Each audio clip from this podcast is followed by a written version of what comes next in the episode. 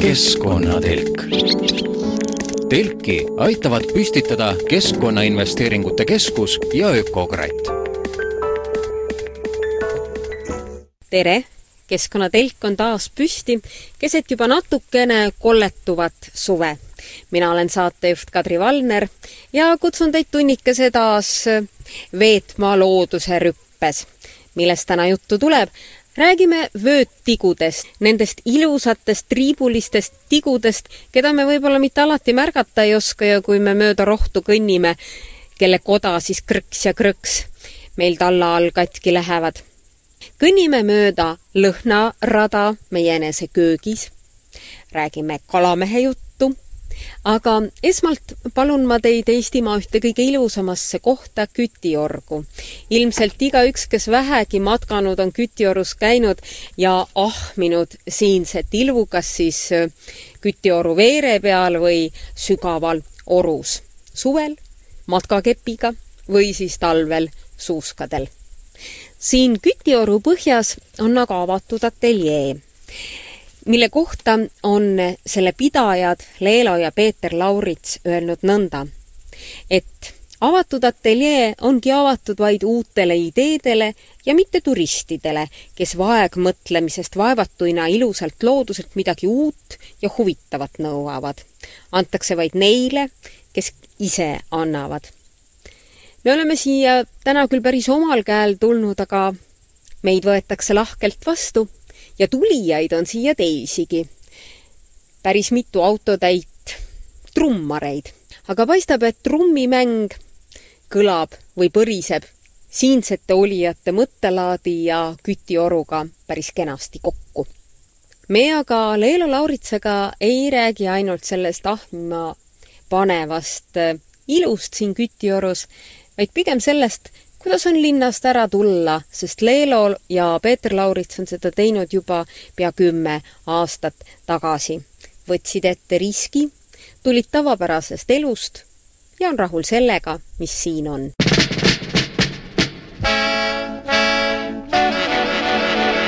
keskkonnatelk lööb vaia maasse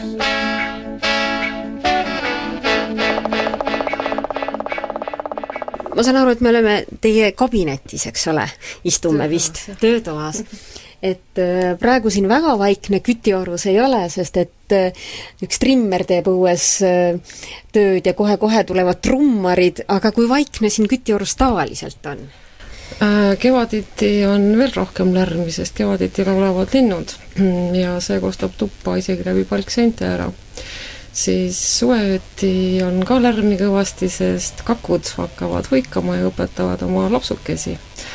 Äh, mõnikord tulevad sookured õue peale ja esimene kord, kui ma ei teadnud, kes need on, siis ma arvasin suisa, et mingi purjus traktorist on hoovi peale tulnud ja traktori käima jätnud, nii et äh, hääli on siin kogu aeg ja nende häälte sees kuuleb vaikust kogu aeg milliseid hääli te siia lubate, sest ma arvan, et paljusid, paljude häälte sissetulemise keelamine ja lubamine on ju ka teie kätes, et kui me siia kütjõrgu tulime, et siis üleval selles suusabaasis hakkas üks tümakas taguma, et kuidagi hästi harjumatu hääl oli mm,. jah, ja see on ka turismitaludele on see tegelikult probleem.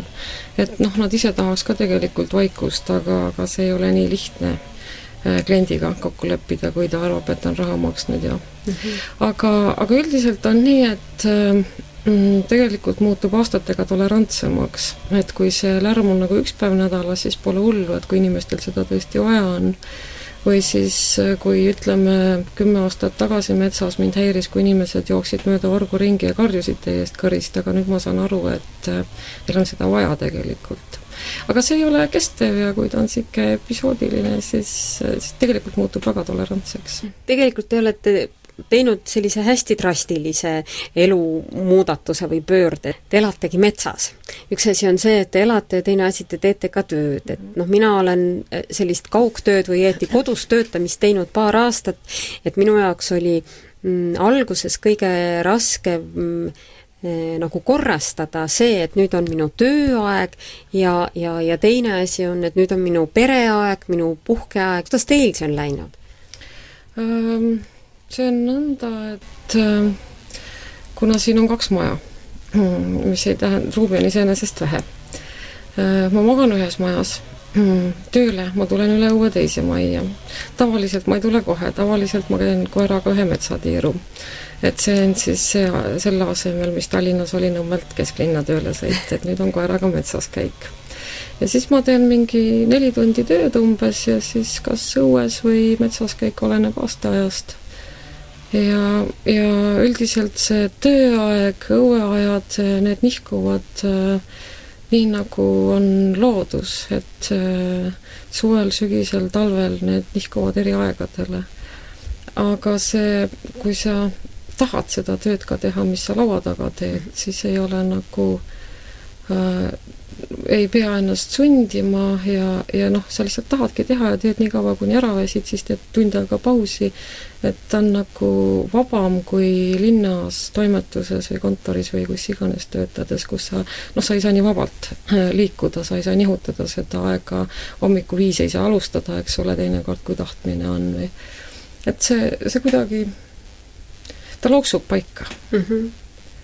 ja, ja noh, selle võrra jälle mm, kui oled intensiivselt tööd teinud ja väsinud, siis intensiivselt keskendudki teist sorti asjale. intensiivselt, näiteks ka kui siin on eh, teisi inimesi, külalisi, siis eh, päeval võib-olla ei suhtle nendega üldse ja siis, aga koos tehakse süüa. et kas see söögi tegemine on koos, koos hakitakse, koos valmistatakse, koos süüakse ja see aeg siis suhtled ka hästi intensiivselt ja, ja keegi ei pane ka pahaks, kui sa neli tundi näiteks sõnagi ei vaheta kellegiga, et ajamäär ei ole nagu kell, vaid ajamäär on pigem ütleme, see tähtaeg, millal üks või teine töö peab valmis olema, eks ole? Ehm, jah, tavaliselt mina arvutan omal enam-vähem välja, et mis see päeva miinimum on mm. -hmm. et selle miinimumi ma teen iga päev ikkagi ära ja noh, mõni päev jõuab jälle väga palju ja ja siis, siis võib ka mõne päeva õue jaoks rohkem võtta, aga aga noh, toimetaja töö on selline, et äh, paljudel kirjastustel siiski ei ole see tähtaeg noh, väga hullumeelselt kiire, et, et eriti kui on raskemad asjad, et tegelikult antakse aega kvaliteetselt asja teha mm. -hmm. ajamäärus on nii, nagu hiidlased ütlevad, et et mitte, et kell on Ei. kaheksa, vaid kell on kaks tundi praamini. see kindlasti, jah. et isegi kui ma tean täpselt inimeste sünnipäeva kuupäeva, siis ma siin olles lihtsalt ei tea, et see kuupäev on täna. ja siis mul jääb tihtipeale helistamata mm. -hmm no üks asi on selline emotsionaalne asi, et väljaspool tööaega saad sa töötada või väljaspool seda neljakümmet nädala töötundi ja, ja tööl käimist, aga teine asi on ka sellised tehnilised vahendid, mis tegelikult kas soodustavad sellist kaugtööd või või vastupidi, takistavad, et kuidas, kuidas teil siin on? või mis peavad olema kaugtööd tehes sellised kindlad tehnilised asjad, kas või teil oma toimetaja tööd tehes, peale arvuti? raamatud, teadmeteosed. Mm ja hea valgustus ja ega palju muud vaja ei olegi. printerit on ka vaja, et välja trükkida, sest noh, mina arvan, et et raamatutega peab ikkagi paberi peal tegelema, mitte arvutis, et sinna lähevad parandused pärast mm. -hmm Edgar Valteriga oli siin mõned aastad tagasi, siis kui ta alles Pokumaad lõi, üks intervjuu, kus ta rääkis, et tegelikult tal ei ole, ühtelugu ei ole elektrit, kui külas. Ühes majas keedetakse vett, et siis teised kohvi juua ei saa, et ja, ja mobiil, jumal tänatud, mobiililevi ei ole, et need on asjad, millega me oleme nii ära harjunud, et ilma milleta olla on, on väga raske. No see oleneb ilmselt töö iseloomust, sest äh, põhimõtteliselt äh, kaua see telefon meil siin olnud on, eks ole. et äh, telefon põhimõtteliselt saab ka postiga, minu tööd saab ka postiga teha. näiteks eelmine aasta jaanuaritormi ajal meil oli viis päeva elekter ära ja see aeg mina tööd teha ei saanud lihtsalt mm. -hmm. ja tööandja peab ka sellega sellisel juhul lihtsalt leppima, ta peab ka arvestama, kui ta võtab omale niisuguse töötegija, kellel võib selliseid asju ette tulla mm. -hmm. aga kui lihtne on, ütleme, oskate ennast panna tööandja rolli, et mina kujutaksin ette seda, et püüdes olla tööandja, aga olles just nimelt ise hästi kindlalt niimoodi emotsionaalselt selle kaugtöö tegija rollis, et et tegelikult just, et, et sellel kaugtöö tegijal, tal on need emotsioonid nagu värskemad, et ta teebki soovi, mitte sunni järgi oma tööd, et võiks ju olla lihtne soodustada sellist kaugtööd ja teisest küljest ei pea tööandja muretsema selle eest, et kas nüüd äh, Äh, kas arvuti on olemas? tööandjal on risk küll, sellepärast et ähm, tegelikult paljudele inimestele ei sobi iseenda töö organiseerimine ja paljud inimesed ei saa tõepoolest võib-olla tähtaegadega mm -hmm. hakkama. aga, aga teisalt jälle need töösuhted nii välja kujunevadki, et kui sa oled kellelegi juba midagi teinud ja, ja sa oled seda hästi teinud ja tähtaegadest ka kinni pead, siis näiteks kui sa teed kümmet tööd ühele tööandjale ja kui sul ühega tekib mingeid probleeme, et sa ühel või teisel põhjusel ei jõua, siis see on nagu noh, aktsepteeritav. aga, aga kaugtöö probleem ongi jah, tõepoolest see, et, et sa pead oma tööd armastama ja, ja sul peab tõesti nagu selline noh, loomupärane kohusetunne olema, et et noh, ma kujutan ette küll, et äh, hästi paljud ei suuda ilma äh, noh, et keegi teine regu-, peab ikkagi reguleerima mm -hmm. või, või siis meelde tuletama või, et tööandjal on risk igal juhul, jah mm. -hmm. kui tihti te siit Kütiorust väljas käite? Äh, kord nädalas Võrus toidu järgi mm,. siis tuleb nädalatoit korraga, kõik muud asjad ka, mis on vaja tsivilisatsioonis teha ja ja siis mujale, nii nagu vaja on või kinno või teatrisse või kuhugi saare peale või mina pealinlasena ütlen nii, et oh, läheme linna, pean silmas Tallinnat, et kuidas teil peetakse seda silmas, jah. kuigi äh, ütleme, külarahvas võib ka öelda, et ta läheb Alevisse, siis ta läheb Vastseliina, kui ta läheb liina, siis ta läheb Võrru ja kui ta läheb linna, siis ta läheb Tallinnasse. et Alev-liin ja linn on teinekord sellised märksõnad kellel on väga suur vajadus, siis teile tuleb nii linn kui ah, liin ah, siia ja, kätte. ei, jah, jah, loomulikult. Teil äh, seesama korealane, kes siin all seda uhket pilli tegi, olla istunud õunapuu all ja ja, ja, ja mõtisklenud ja vaadanud, et, et, et siin on ikka tohutu rikkus käes, et kui tema oleks Koreas, siis oleks see org siin jagatud kolmeks ühe, ühe kolmandiku peal oleks riis, teise peal oleks äh, tuhandeid inimesi või vähemalt mitmeid sadu ja kolmandas äh, peal oleks äh, tööstus, et kas, kas see, on see legend või see jutt peabki paika? ei, see jutt peab paika jaa, sest Korea on lõputult üles haritud ja kui seesama Kim Go käis Munamäe tornis, siis ta oli ka täiesti rabatud, et mm -hmm. on selline vaade üleüldse võimalik ja ta oma pille tehes on reisinud paljudes riikides, aga ta ei olnud kunagi sattunud noh, nii metsarohkesse paika, et Eesti ja Põhjamaades see on, minu arvates on ka see lõputu, lõputu, lõputu rikkus, mis meil on mm. -hmm. et äh, mul üks teine tuttav sõitis ühe jaapanlasega mööda Eestit, kes siis äh, pärast seda, kui ta oli äh, mitmeid tunde mööda Eestimaad sõitnud, küsis, et noh, et aga hea küll, et me sõidame ilmselt praegu rahvuspargis, aga öelge, millal me siis rahvuspargist välja jõuame, sest ta nägi ainult metsa enda ümber, et kas me, kas me tegelikult märkame iga päev seda, et, et meil see rikkus siin ümber on, kas me üldse peame märkama? ma arvan, et me märkame, aga märkamine ei tähenda ju seda, et iga hetk peaks seda endale teadvustama et ähm, tajutakse ja märgatakse ikka. ja, ja noh, nagu ikka, inimesed on erinevad, et paljusid jälle hoopis hirmutab mm -hmm. metsakeskkond mm. -hmm. aga kui te siia tulite, kas teid ei hirmutanud? ei, mina olen Võrumaalt pärit, et uh -huh. ma olen maal sündinud, kasvanud, vastupidi, et siin mul on kõik uksed lahti, aga Nõmmel ma keerasin nad isegi päeval lukku ja noh, samas metsas jälle ei ole midagi karta, et ega inimesel ei ole ju muud karta kui ainult teine inimene. aitäh, Leelo Laurits ja jõudu avatud ateljee pidajatele. siinkäijad on kirja pannud sellise mõtte. Sääsed ja teod on kaks rahvusvaheliselt hästi tuntud populatsiooni, kellega suvel kütiorus puututakse kokku iga päev ja kellega suhtlemine oluliselt mõjutab igaühe enesetunnet ja mõtlemist. noh, tegelikult ei kohtu me ju sääskede ja tigudega mitte ainult kütiorus, vaid sellel aastal aina ja eriti pea kõikides Eestimaa paikades seetõttu ongi meie järgmise saate osa kangelased, ei mitte sääsed. Nemad mulle ei meeldi ja ma usun, et mitte kellelegi, vaid need ilusad teod, vööt teod, sest tegelikult Tartu Keskkonnahariduse Keskus kutsub osalema rahvusvahelises vööttigude vaatlusprojektis, mis on siis pühendatud Charles Darwini kahesajandale sünniaastapäevale ja mille taga on märksa sügavam mõte kui pelgalt mõne teo ülesleidmine ja vaatlemine. selle taga on ikka üks rahvusvaheline uurimustöö, millest saab siis igaüks osa võtta. aga täpsemalt teab juba Loodusmaja koordinaator Anneli Eelvest. Eestis on tõesti kaks liiki vöötigusid, võsavöötigu ja saluvöötigu ja need on ühed ilusamad teod vist Eesti eh, loomastikus eh, ja iseloomulik on see, et enamasti on nad kollase kojaga ja triibulised, see nimi vöötigu ütleb ka seda.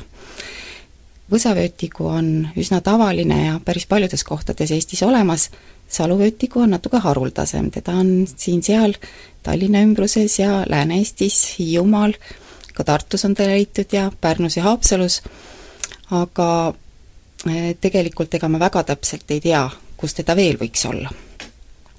ja vahet tehakse neil eelkõige sellega, et nende kojal suudmeserv on erinevat värvi, kui nad on täiskasvanud teod. võsavöötajal on valge huul suudme ümber ja saluvöötajal siis pruun. ja selles meie vaatluse projektis siis ka tegelikult just selle tõttu, et neil korralikult vahet saab teha täiskasvanud teona, siis vaadeldaksegi just täiskasvanuid, kellel see huul on välja kujunenud.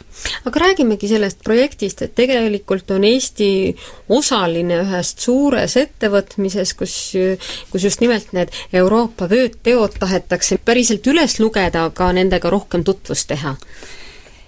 jah, see praeguses Äh, siis praegu siis äh, alanud, kevadel juba alanud äh, selline vaatlusprojekt käsitleb siis just Euroopas nendesama kahe liigi erinevate kojamustrite jälgimist siis väga erinevates Euroopa piirkondades ja selle projekti nimi on siis Evolution Megalab, seda koordineeritakse Inglismaalt, juhib seda Open University ja, ja siis äh, selle eesmärk on siis teadusliku uuringu jaoks siis laiapõhjaliselt äh, koguda andmeid selle kohta, millised need teod siis siin või seal Euroopa nurgas nagu välja näevad. Ja selle jaoks on tehtud korralik äh, koduleht, mis on siis tõlgitud neljateistkümnesse keelde, sealt võtab siis osa neliteist riiki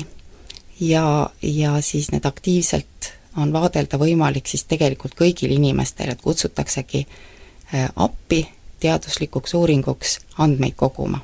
kuhu see uuring peab jõudma? Äh, no see uuring äh, tegelikult viiakse läbi siis Inglismaal ja tegelevad sellega siis juba tõesti teadlased, geneetikud ja evolutsiooniuurijad ja teouurijad, kes siis selle teemaga nagu vöötigude kodade polümorfism ja evolutsiooniline eh, selline muutlikkus sellega tegelevad. Eestis selle, selle rahvusvahelise projekti Evolution Megalab eh, koordineerimisega tegeleme siis eh, meie Tartu Keskkonnahariduse Keskuses, ka Eesti Molekuloogia Ühingu liikmed on siin abiks meil selle projekti tegemisel ja siis oma toega on meid selle projekti raames siis aidanud ka eh, Keskkonnainvesteeringute Keskus see tähendab siis seda, et, et eh, vaadates eh, piltlikult öeldes teokoda, peaksime me päris palju tarkusi koguma evolutsiooni kohta üleüldse, nii või? jah, nende vööttigudega on selline lugu, et et nende kojad on mõlemal liigil üsna varieeruva mustriga, see tähendab, et neid võib olla kolme erinevat värvitooni, see põhikoja värv võib olla nii kollane, roosa kui ka pruun, ja siis tegelikult ka see vöötide arv, mis neil võib olla, kõigub nullist viieni. Ja, ja neid variante tekib siis päris palju ja see on määratud geneetiliselt ning eh, neid erinevaid kombinatsioone ja siis nende sagedusi siis tegelikult uuritakse ja püütakse siis ka aru saada, et kui palju need on ajas muutunud, eh, kuidas on seda mõjutanud võib-olla kliima soojenemine ja ka näiteks see, et et rästaid on mõnel pool Euroopas palju vähemaks jäänud, kui seda varem oli, ja kuna rästad tigusid söövad, siis nad võivad mõjutada ka seda, missugused, missuguse kojaga tigudel on võib-olla eeliseid rästa rikastes piirkondades ja seal, kus siis rästaid vähem on mm. -hmm kas see siis tähendab ka seda, et, et, et tegelikult neid tigusid, neid vööttigusid on pikka aega uuritud, kui suudetakse neid võrrelda mingite varasemate andmetega? Eh, jah, just selle tõttu, et eh, nendel vööttigudel äh, Eh, see geneetiline nii-öelda kood on sisuliselt sinna koja peale kirjutatud ja üsna siis lihtsalt jälgitav, siis on see olnud üks selline armastatud objekt evolutsiooni uurijatele, geneetikutele tegelikult juba üheksateistkümnenda sajandi lõpust, et selliseid klassikalisi uurimusi sellest, et millise kojaga tigusid esineb, ja kui suur on nende erinevate variantide sagedus, siis seda, seda on uuritud tõepoolest juba tublisti üle saja aasta. Ja kuna neid andmeid on ka erinevates loodusmuuseumites ja, ja siis ka selliseid varasemaid uuringutöid, siis just uute andmete kogumisel on võimalik siis neid ka nagu nende varasemate andmetega võrrelda ja sealt siis teha järeldusi ja ja vaadata, mis siis muutunud on kas piltlikult öeldes võib öelda nõnda, et tigusid võib nagu samamoodi lugeda kui ütleme, puderõngaid, et ka siis me saame ju suhteliselt teada esiteks selle, kui vana see puu on, ka selle, millised aastad on olnud, kui need puud on kasvanud ja nii edasi, et eh, jah, natuke on see, see selline pisut nüüd nagu, nagu natukene teine teema, aga küll tõepoolest eh, nende kodade kodade järgi on küll uuritud, eriti veekarpide kodade järgi, eh, on tehtud selliseid eh, üsna sarnaseid uuringuid nagu puuderingide, näiteks keskkonnas olnud ainete eh, sisaldust on määratud ja seda on mhm. tõesti võimalik ka karbikodadest näiteks määrata ja päris kaugete aegade taha välja, kui kasutatakse muuseumi nagu eksponaate ja nende kodade siis ainesisaldusi on võimalik võrrelda aga selles töös eh, noh, võib-olla nüüd neid ainesisaldusi niivõrd ei vaadata, kui, kui just sellist muutlikkust ajas see, et ütleme, et mõnel teol on üks vööt peal, on ka neid, mil, kellel ühtegi vööti peale ei ole ja minel, mõnel on kohe mitu vööti, millest see tuleb, kas see on nagu, vot lapsed ju ütlevad, et kui mhm. on kuue täpiga lepatriinu, järelikult on kuueaastane, mina mäletan sellist mängu näiteks. E, jah, vöötigudel see vöötide arv nüüd vanust ei näita, kuigi nad tegelikult tõepoolest võivad elada e, rahulikult e, kui neil õnnestub vaenlastest mööda hiilida, siis eh, võib, võivad elada küll kuueaastaseks, aga mm -hmm. neil ei kasva vööte juurde, et eh, see vöötide arv ja ka siis see koja värvus on määratud eh, tegelikult ikkagi geneetiliselt üsna siis samamoodi, nagu noh, inimeste hulgas mm -hmm. on siniste silmadega lapsi, pruunide silmadega lapsi ja ja tumeda ja heledapäiseid lokkis ja sirgejuukselisi, et tegelikult see on nagu sama, samasugune asi mm, -hmm. et et kui nad ikka ikka juba on kollased ja viie vöödiga, siis nad on seda eluaeg, küll aga nende koda kasvab elu jooksul. ja täiskasvanuks saavadki tegelikult saluvöötjad alles kusagil kolmandal eluaastal ja nii kaua nende koda ka kasvab, mis tähendab, et et see lõplik suurus ja, ja nagu kuju siis tulebki siis välja tegelikult kuskil kolme, kolmandal eluaastal.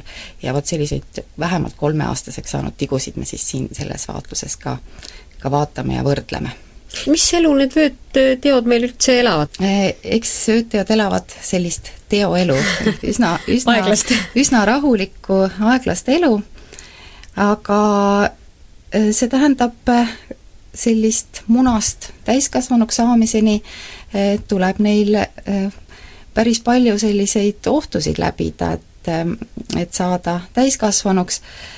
Nende vaenlasteks on näiteks väga paljud putukavassed, tigusid söövad jaanimardikad näiteks, kui hmm. jaanimardikaid me näha tahame, siis me peame ka tigusid sa-, vähemalt mingil määral sallima, sest jaanimardikad on ühed sellised loomad, kes söövad ainult tigusid, nii et nad on hmm. seda tüüpi gurmaanid söövad rebased, eh, söövad nirgid, siilid armastavad neid, väga paljud linnudki söövad tigusid. nii et ehm, see vaenlaste rida, kes, kes neid eh, söövad, on päris palju, need tegelikult ühest noh, umbes hinnatakse niimoodi, et sajast munetud teomunast tegelikult sinna täiskasvanu ehm, staatusesse jõuab äh, nagu võib-olla heal juhul viis protsenti, et suurem osa neist ikkagi äh, lõpetavad, lõpetavad varem, kui nad ise munemiseni jõuavad. Mm -hmm. aga, aga nad elavad sellist niisket, rahulikku ja hämarat elu, nii et nad armastavad, enamus nendest armastab vihma, sooja, niisket kohta, kus on piisavalt süüa ja siis äh, kus, eh, kus on siis võimalik ka varju minna, kui kuivus ähvardab, sest kuivus on üks, üks asju, mida, mida teod tõepoolest eriti ei kannata aga inimese jaoks on nad, ütleme, tigudest, eh, kui tigu, teo ja teo vahel võrrelda, on nad suhteliselt nähtaval, eks ole? eriti hästi on nad ikka nähtaval, ütleme, sellistel vihmajärgsetel mm -hmm. aegadel ja vihma ajal, võib-olla ka siis hommiku- ja õhtutundidel, tegelikult et päris sellisel suvisel keskpäevasel ajal kipuvad ja. nad ikka varjus olema, et siis nad ennast eriti ei näita. aga, aga jah, eks nad hakkavad meile silma ikka siis, kui nad meiega eh, sellist ühist eh, pinda jagavad ja meie peenravahedesse liiga silmatorkavalt trügivad, e-, eks siis me märkame neid ikka rohkem, et suuremat osa Eesti tigudest eh, me ei märka üldse, sest nad on nii pisikesed, Eestis on kaheksakümmend liiki erinevat tigu ja enamus nendest on sellised paari-kolme-nelja millimeetrised ja tegelikult ega me neid ilma spetsiaalse sellise tahteta neid näha tegelikult ei, ei näe. me käime neist rahulikult üle ja me üksteist mm -hmm. tegelikult ei sega, aga aga väga kokku ka ei puutu mm. -hmm. segada võime siis, kui eh, inimese poolt siis, kui me ütleme, tigudel elupaigad väga ära võtame, näiteks kõik niisked alad ära kuivendaksime, siis suur osa tigudest enam hakkama ei saaks mm. -hmm. ja, ja noh, lisaks siis nendele liikidele, kes meil noh, on hästi nähtavad ja suured liigid, nagu tõesti see kiritigu, kes meie aedu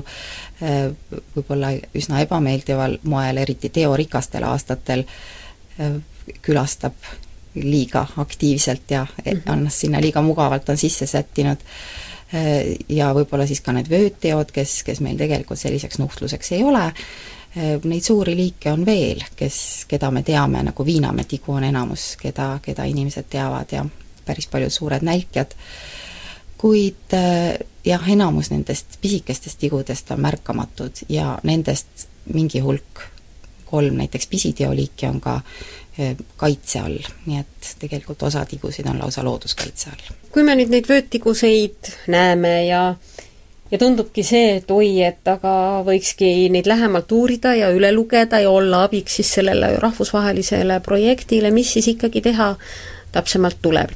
Selleks siis tulekski endale alustuseks võib-olla selgeks teha, seal kodulehel on nii pilte kui ka, kui ka filmijuppe sellest, kuidas seda vaatlust täpselt läbi viia, kõigepealt tuleks selgeks teha, missugused need vöötteod on, kuidas neil kahel liigil vahet teha mm, -hmm. kuidas võib-olla eristada siis neid teistest liikidest, noh näiteks sellest samast kiriteost, kelle koda on hoopis pruunikirju, ja, ja siis ka seda, et kuidas vahet teha noortel tigudel ja täiskasvanud tigudel, näiteks öötigude puhul on siis just see kojahuul hästi oluline, et kui see kojahuul on välja arenenud täiskasvanud teol, siis ta on selline tugev ja natuke tagasipöördunud ja ta kohe näeb selline huule moodi nagu välja ja täiskasvanud vöötteol ei ole ka naba enam näha. vot naba on nüüd selline asi, mis meil inimestel on kõhu peal yeah., aga tigudel on koja alumisel küljel mõnel on,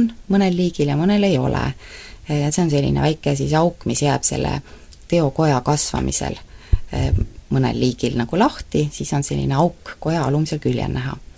ja vöötigude puhul on niimoodi, et noortel tigudel on ta nagu avatud ja näha selline augukene seal koja alumisel küljel, aga täiskasvanud tigudel seda enam ei ole, nii et see on teine siis tunnus, mida, mida siis silmas võib pidada, kui tahta teada, kas vöötigu on täiskasvanud või on veel laps mm. -hmm.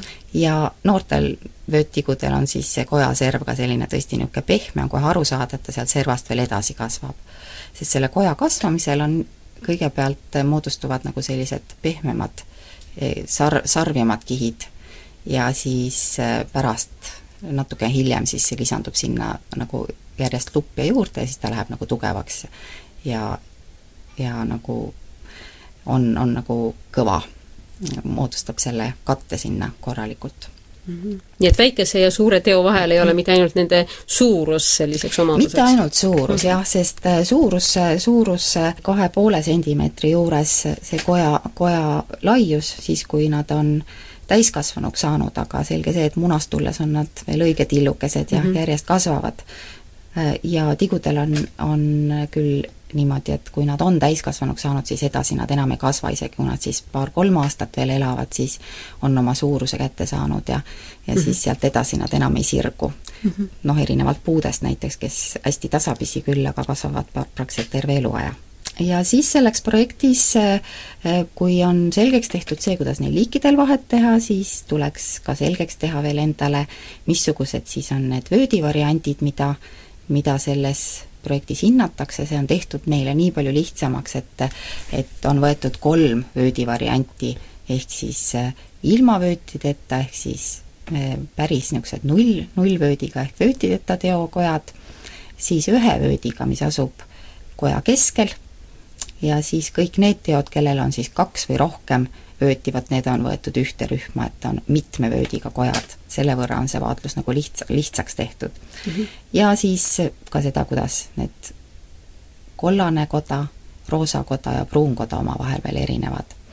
aga kui, kui tõesti siis sellisesse kohta sattuda, kus neid on hästi erinevaid variante, siis see on üsna üllatav, kui palju erinevaid nende hulgas võib olla ja siis, et seda vaatlust nüüd tõepoolest ka ise veel läbi teha, siis tuleks seal kodulehel ka registreeruda, see registreerumisvorm on lihtne, peab olema küll olemas, mis on nagu eelduseks, on see, et on üks töötav emaili aadress, sest kogu tagasiside ja suhtlemine vaatlejatega toimub siis vaatlejate emaili teel. ja, ja siis on võimalik minna juba välja vaatlema, soovitavalt sellisel niiskema ilmaga päeval või hommikupoolikul, ühesõnaga sellisesse kohta, kus tigusid üldse on võimalik leida, kas kuskile parki või oma ka koduaeda või kuskile hekiservas otsida, kus selliseid mm -hmm. vöödilisi tigusid võiks leida. samuti niit, niitu võib uurida, kui kusagil on mõni heinamaa või kraavikallas, aga eelkõige elavad need saluvöötjad küll sellises poollooduslikus ja kultuurmaastikus, sageli siis inimesega koos, eriti saluvöötiku parkides ja aedades. E, ja siis tuleks leida neid täiskasvanud vöötidega tigusid. Ja arvestus, arvestuses on see tore asi, et võetakse arvesse nii elusteod kui ka juba tühjad kojad mm, -hmm. tigude puhul on see tore asi, et et noh, neil jääb see koda nagu veel päris pikaks ajaks alles ja tegelikult see muster säilib ka üsna pikka aega, et et arvesse lähevad siis ka sellised tühjad kojad need võib ka koju kaasa võtta pärast, kui kui, kui on tahtmist, aga elusad teod jäetakse kõik ikka sinna, kus nad, kus nad leitakse. ja siis pannakse need variandid lihtsalt kirja ja selleks kirjapanemiseks on siis ka selline protokoll, mis on võimalik siis internetist välja printida. ja kui see välivaatlus on tehtud, see tavaliselt ei võta rohkem kui võib-olla tunnikene, siis äh, tuleks veel see viimane otsustav tegu ära teha ja need andmed siis ka veel sealsamas kodulehel sisestada, ka see leiukoht saab satelliitfotode abil saab väga täpselt paika panna ja kas praegu Eestist on andmeid palju? ei ole palju veel, peab, ma arvan, et seal vist eh, üleeilse seisuga oli vist eh, no ikka alla kümne sisestuse mm -hmm. oli, aga, aga külastatud on kodulehte natukene rohkem, et ma kutsuks küll üles endal ühte suvist, suvist päeva sisustama võib-olla sellise, sellise kummalise hobi, hobiga nagu tigude loendus ja, ja vaatlus.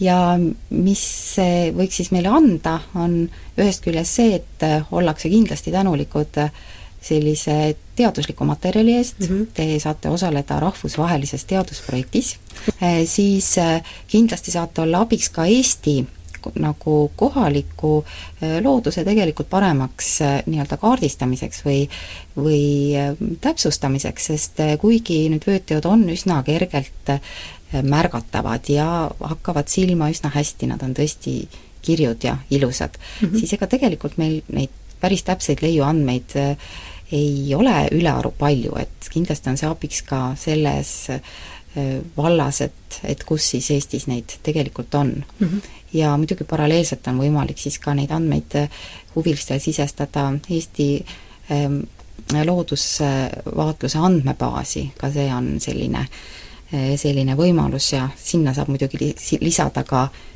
kõiki teisi peale tigude, et see on nii kogu, kogu Eesti looduse äh, selliste elusolendite registreerimise koht, kui on huvilisi ja te tahaksite ka jälje jätta, et olete näinud midagi huvitavat ja ka midagi vähem huvitavat, ka tavalisi liike seal registreeritakse.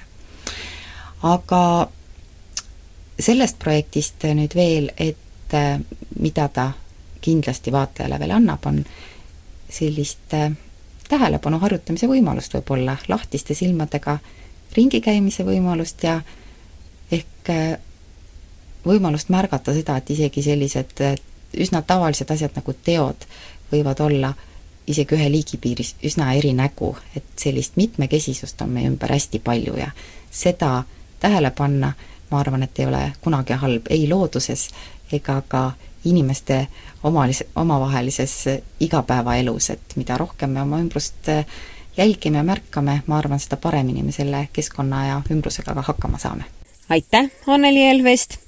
ja kellel nüüd veel enam huvi, siis võiks vaadata kodulehte www.evolutionmegalapp.org. ütlesin nüüd nii, nagu näeb välja kirjapilt, aga kui lööte interneti sisse lihtsalt märksõna vööttigu, siis leiate ka asja ülesse või lähete siis Tartu Keskkonnahariduse koduleheküljele, ka seal on viited üleval.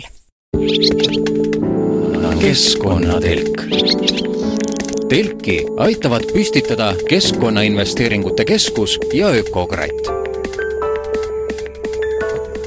nüüd on aeg vaadata ringi meie oma köögis, õieti mitte vaadata, vaid nuusutada.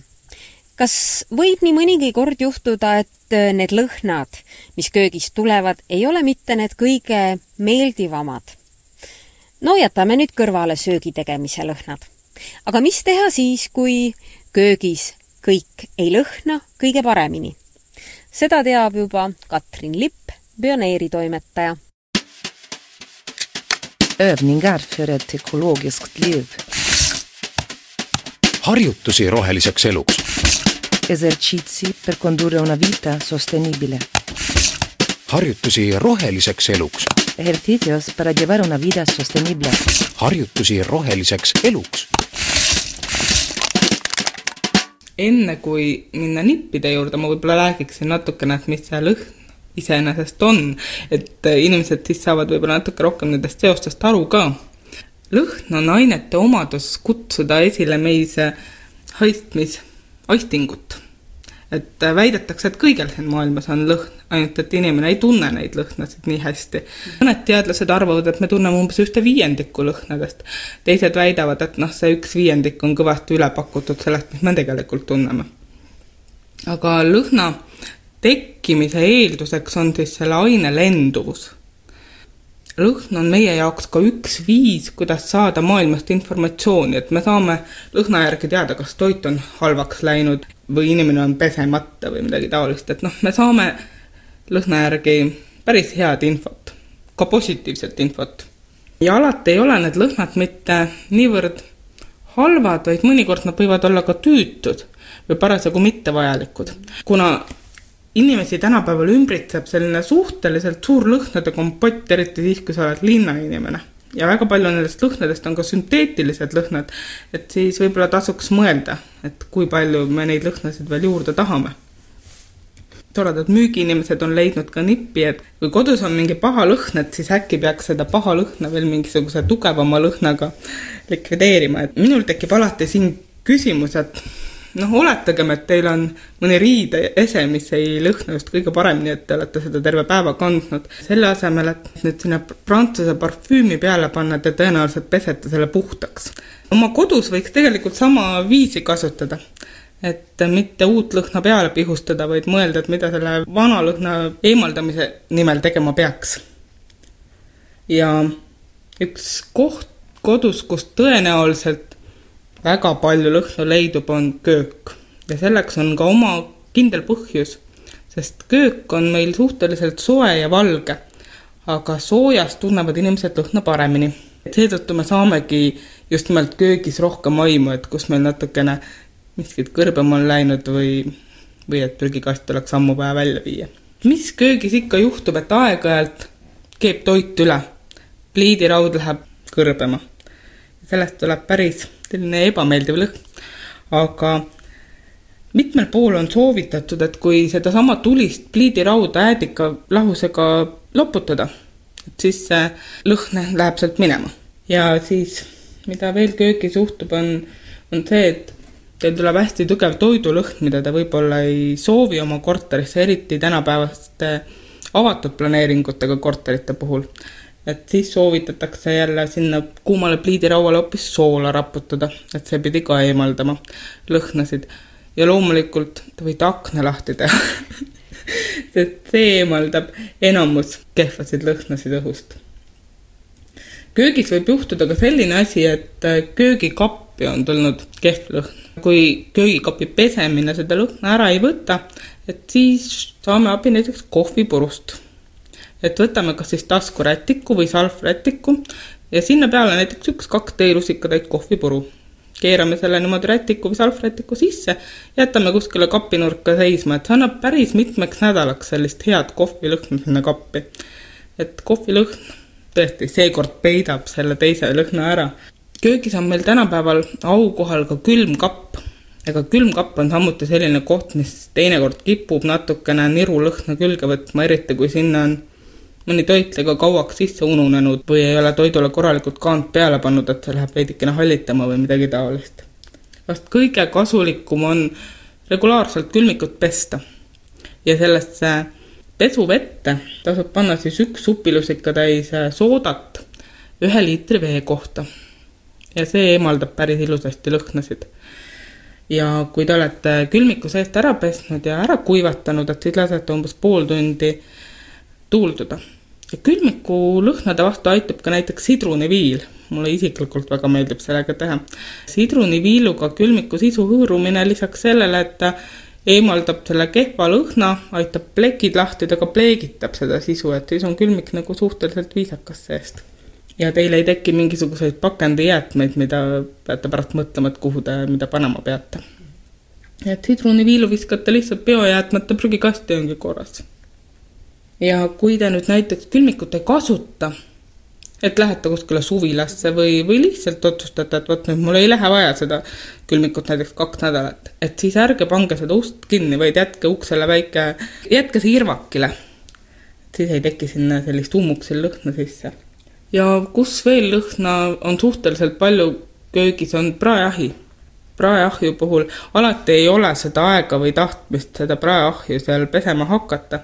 et siis on võimalus, et panete kuuma veega kausi äh, ahju sisse ja sinna panete näiteks sidrunikoori või apelsinikoori või sidruni või apelsini viilust sisse. lasete umbes kümme minutit äh, keeda seal kuumas ahjus. see võtab päris hästi suurema osa lõhnadest ära et ma ise katsetasin, et vast kalalõhn oli ainus, mis vajas siis ikkagi nagu seda pesemise asja ka. ja siis võib köögis veel olla häda sellega, et erinevate nõude sisse on tulnud halb lõhn, et olgu selleks siis prügikast või termos või klaaskannud või pudelid. selliste lõhnade vastu aitab äädikavesi, et kas siis leotada või lihtsalt loputada. tavaliselt näiteks prügikasti on vaja ikkagi natukene leotada aga klaasist nõude puhul piisab lihtsalt loputamisest. Mida veel võib juhtuda, on see, et teie kätele tuleb kehv lõhn. olete näiteks teinud küüslaugust, sibulast, kalast toitu ja siis kätele tuleb nagu valminud roalõhn külge. et äh, selleks on kaks nippi, kuidas lõhna eemaldada. üks on see, et äh, pärast toidu valmistamist kõõruta oma käsi soolaga ja pärast seda pesete alles seebi ja veega. või siis leotate oma käsi umbes minut-kaks sellises lahja säädika vees ja siis pesete. Et noh, mõlemad aitavad eemaldada. ja kui te nüüd kindlasti tahate, et teie kodu lõhnaks või siis ka köök lõhnaks, et siis tasub vast pigem eelistada aroomilampi naturaalsete lõhnadega kui mõnda elektrilist riistapuud, mis teile iga minuti järel mingi sortsukese sünteetilist lõhna korterisse või majapidamisse laseb. Övningar för ett ekologiskt liv. Harjutusi roheliseks eluks. Esercizi per condurre una vita sostenibile. harjutusi roheliseks eluks. Ejercicios para llevar una vida sostenible. harjutusi roheliseks eluks tänasesse saatesse mahub üks väike suvemälestus või suve emotsioon veel. seda võib ka pealkirjastada kui kalamehe jutt või pigem kui operatsioon Päästke linask. ja me kohtume juba nädala pärast. naabrimees tõi meile eile kaks kala kilekotis. aga üks kala oli elus see oli linask. ka mõlemad kalad olid linaskid. aga me selle ühe kala päästsime ja tõime saunast rohelise kausi, kus me panime ta.